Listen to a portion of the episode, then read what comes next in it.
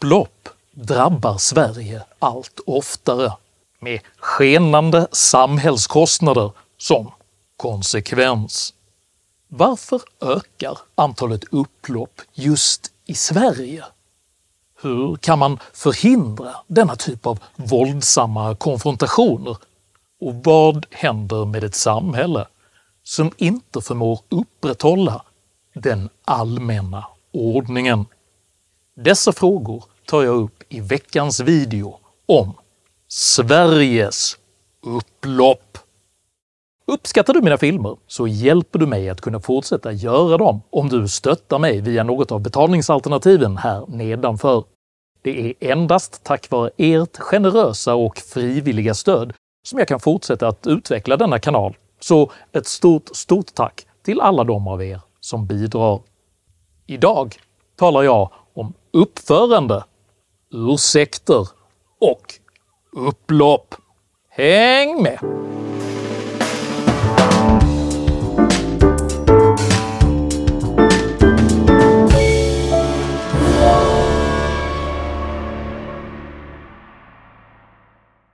Då församlade sig översteprästerna och de skriftlärde och folkets åldermän uti översteprästen Kajafas palats och rådslogo hur de måtte gripa honom med list och dräpa honom.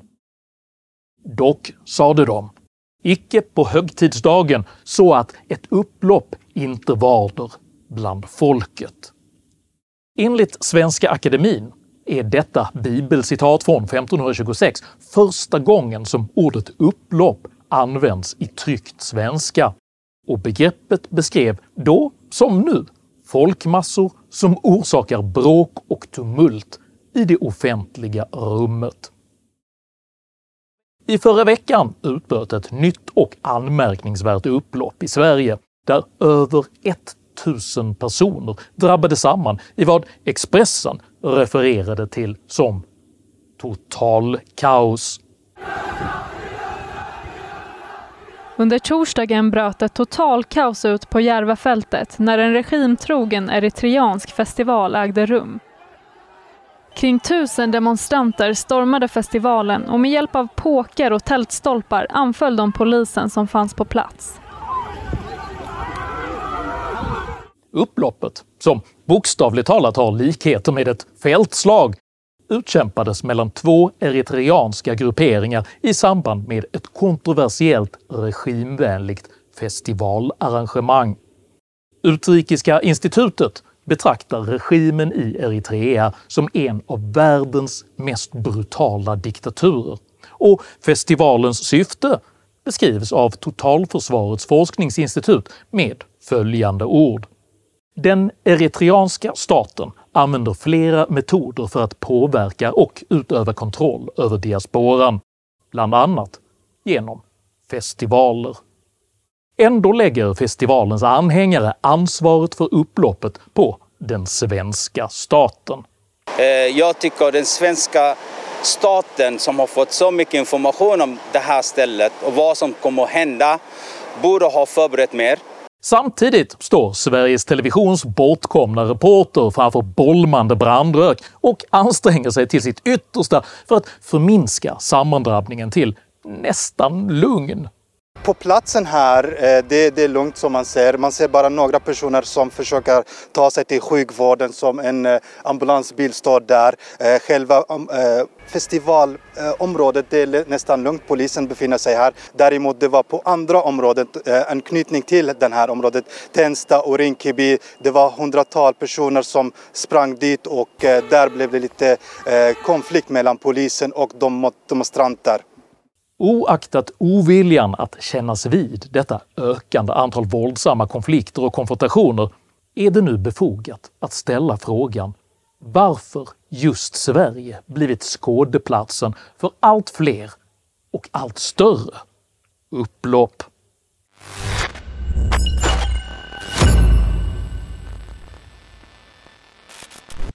Upplopp är inget nytt fenomen i Sverige, men både deras karaktär frekvens och våldsamhet har på senare tid förändrats drastiskt. För att identifiera relevanta upplopp i historien utgår jag i denna video från att antalet deltagare i upploppet måste vara minst 30 personer, att skadegörelse förekommer och att våld mot allmänheten eller ordningsmakten ingår. Utifrån dessa kriterier förekom i Sverige mellan år 1700 och år 2000 ett 30-tal nämnvärda upplopp, vilka i allmänhet kännetecknades av tydliga sakpolitiska krav och ställningstaganden.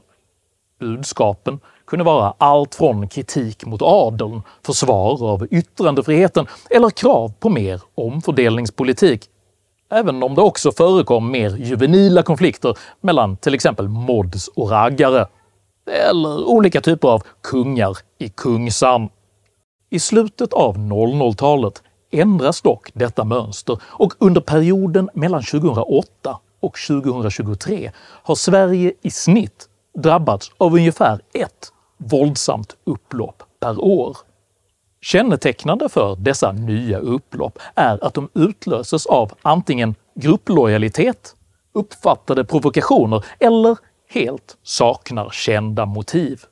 I december 2008 utbröt ett flera dagar långt upplopp i stadsdelen Rosengård i Malmö efter att en hyresvärd dragit in kontraktet för en lokal som användes för bönemöten.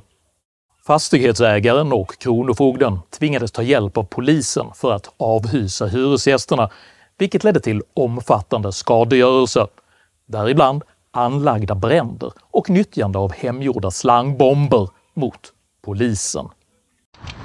Det fortsatte att vara oroligt i Rosengård i Malmö på torsdagskvällen och en bit in på natten till fredagen.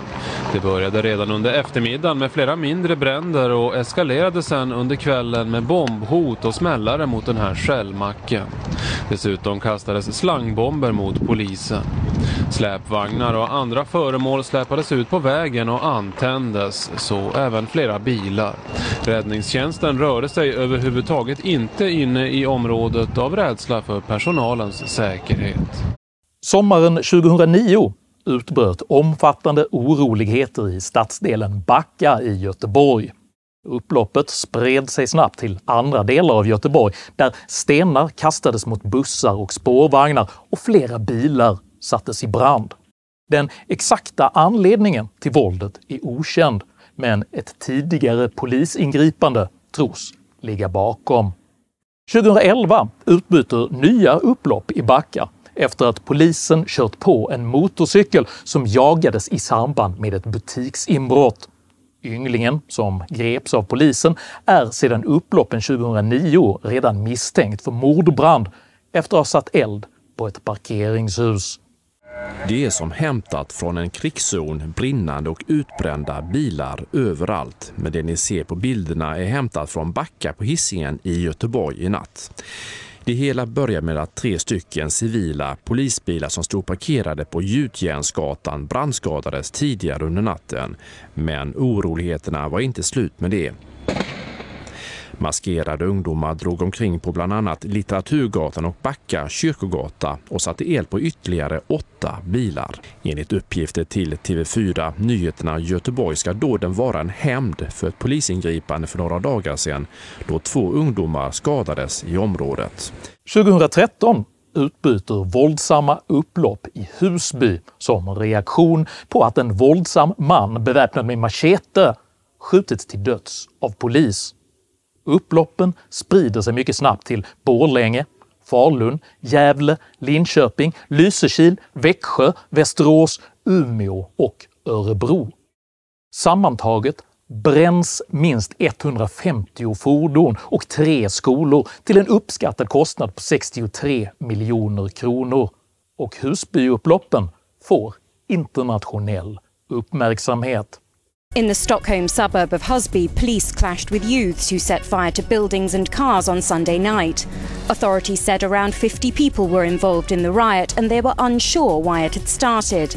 Local media reports the violence was sparked by the fatal shooting of a Husby local by police last week.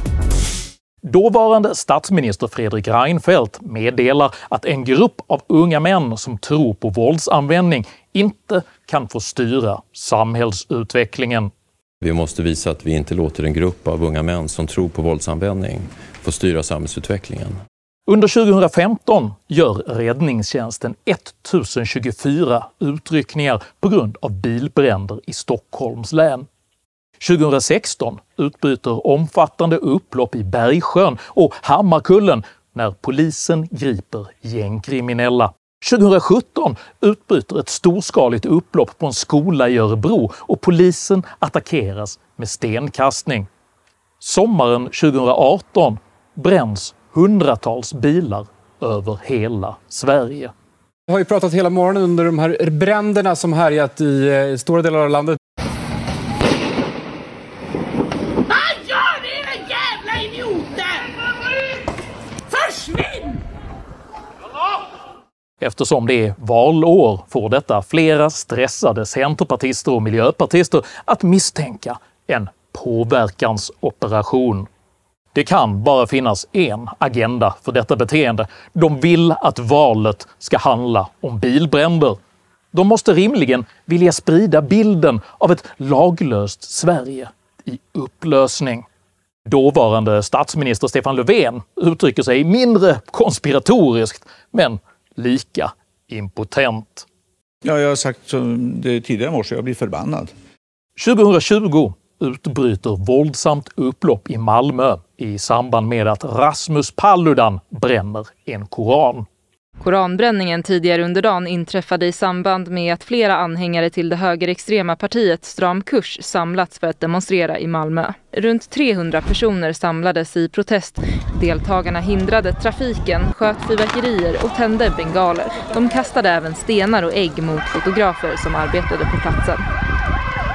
Enligt tidningen Expressen kunde upploppet stoppas från att nå centrala Malmö först efter att fyra kravallbussar och ett tiotal polispiketer lyckats jaga tillbaka drygt 300 våldsverkare mot Rosengård.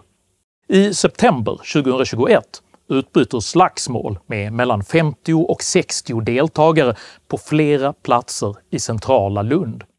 Bråket inleds vid centralstationen och leder till att flera personer måste föras till sjukhus. Slagsmålet fortsätter då, även på Lunds akutmottagning.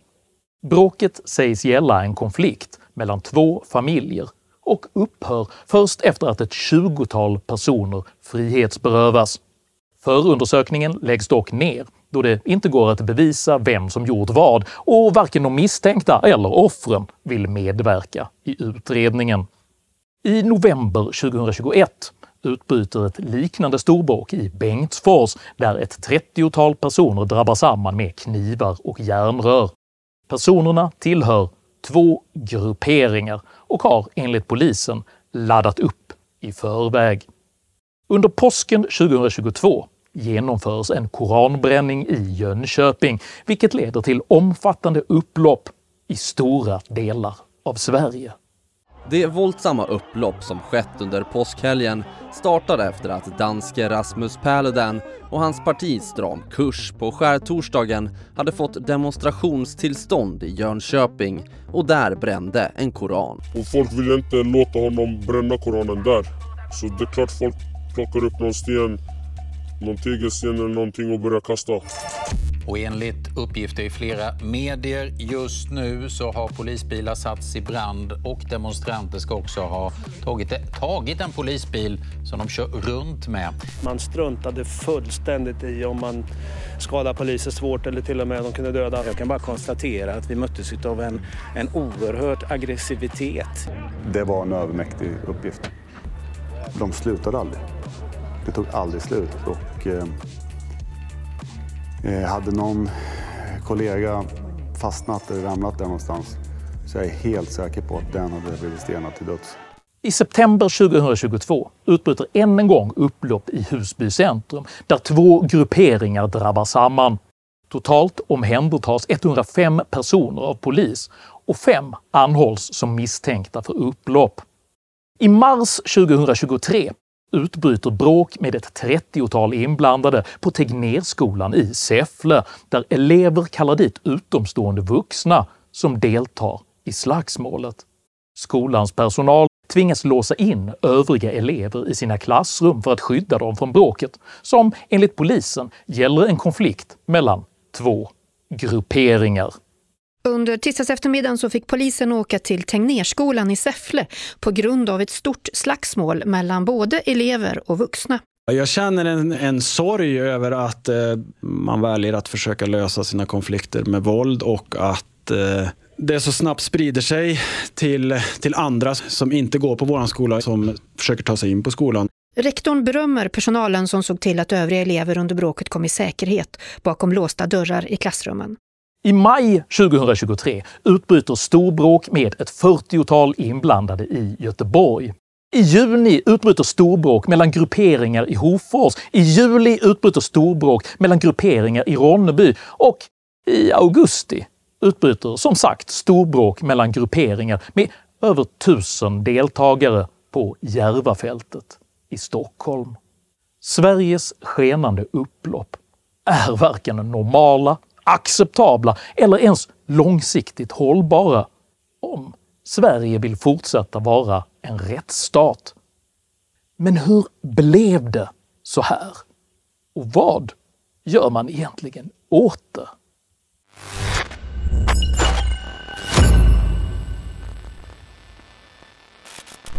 Nyligen konstaterade Expressens kultursida att det svenska våldet hade varit otänkbart på Taiwan, där våldsdåd är så ovanliga att de alltid väcker nationell uppmärksamhet. Både anrika tidningarna The Times och The Wall Street Journal beskriver Sveriges förfall från fridfull välfärdsstat till att bli Europas huvudstad för dödsskjutningar. Och tidningen The Economist rubriksätter situationen som “en flammande överraskning” där anlagda bränder och oroligheter hotar den skandinaviska idyllen. Redan 2018 konstaterade forskare på Försvarshögskolan att Sverige i decennier varit en bas för rekrytering av våldsbejakande extremister. Och i veckan fastslog Europol och Tullverket tillsammans att sydsvenska hamnar blivit ett nav för narkotikasmuggling på grund av att deras skalskydd anses vara ett skämt. Budskapet är att Sverige under flera decennier har varit ett land med okontrollerade bidrag, obetydliga straffsatser och obefintlig kontroll på vilka som befinner sig i landet. Vilket sammantaget har gjort att allehanda kriminella organisationer och våldsbejakande extremister har valt att etablera sig just här. De allt mer frekvent uppblossande upploppen är således inte att betrakta som oförklarliga anomalier, utan som den synliga konsekvensen av ett växande skuggsamhälle som inte respekterar majoritetssamhällets normer. Som demokratisk rättsstat med yttrandefrihet har både de som bränner koraner och de som vill försvara totalitära stater rätt att uttrycka sina åsikter utan att drabbas av våld även om dessa aktiviteter och demonstrationer kan upplevas som både provocerande och osmakliga av andra människor. Sveriges politiker kämpar just nu med allt mer komplicerade gränsdragningsproblem rörande vilka studieförbund, samfund och organisationer som egentligen bör få ta del av deras generösa bidrag, samt vilka förändringar man bör göra i ordningslagen för att försvåra legitima manifestationer som eventuellt kan få andra att ta till våld. Istället för att lägga sin tid på förlåtelsebrev till imamer, överlastade bidragsregelverk och trixande med yttrandefriheten skulle Sveriges politiker lika gärna kunna ta ett steg tillbaka och befria civilsamhället ifrån staten. Genom att dra in alla bidrag till studieförbund, trossamfund och organisationer skulle man med ett Alexanderhugg eliminera både gränsdragningsproblemen och bidragsbedrägerierna. De verksamheter som åtnjuter ett verkligt folkligt stöd kommer att klara sig själva medan de som endast överlever genom att mjölka staten på pengar kommer att försvinna. I nästa steg bör totalitära regimer förhindras från att investera i Sverige, oavsett om detta gäller kinesiska investeringar i vindkraft, saudiarabisk finansiering av moskéer eller eritreanska satsningar på festivaler. Slutligen måste respekten för den allmänna ordningen återupprättas genom både straffskärpningar och utökade befogenheter för polisen. Internera ligister som kastar sten mot polisen omedelbart. Inför kännbara böter för alla som ställer till oreda på skolor, sjukhus och badhus och arrestera samtliga som ägnar sig åt egendomsförstörelse och våld i det offentliga rummet. Och om allt detta är hopplöst omöjligt så kan ni väl i alla fall sluta att ge stöd till folk som startar upplopp. Om du uppskattade innehållet i denna video så hjälper det mycket om du delar den med dina vänner och kanske till och med stöttar mitt arbete via något av betalningsalternativen här nedanför. Dela även gärna med dig av dina egna åsikter och erfarenheter i kommentarsfältet här nedanför, men jag ber dig att alltid vara artig. Jag accepterar inte aggression, personpåhopp eller rasism i mina idédrivna kommentarsfält. Tack för att du som kommenterar respekterar detta. Jag heter Henrik Jönsson och jag anser att upplopp inte bör tolereras och framför allt inte finansieras av staten. Tack för mig och tack för att ni har lyssnat.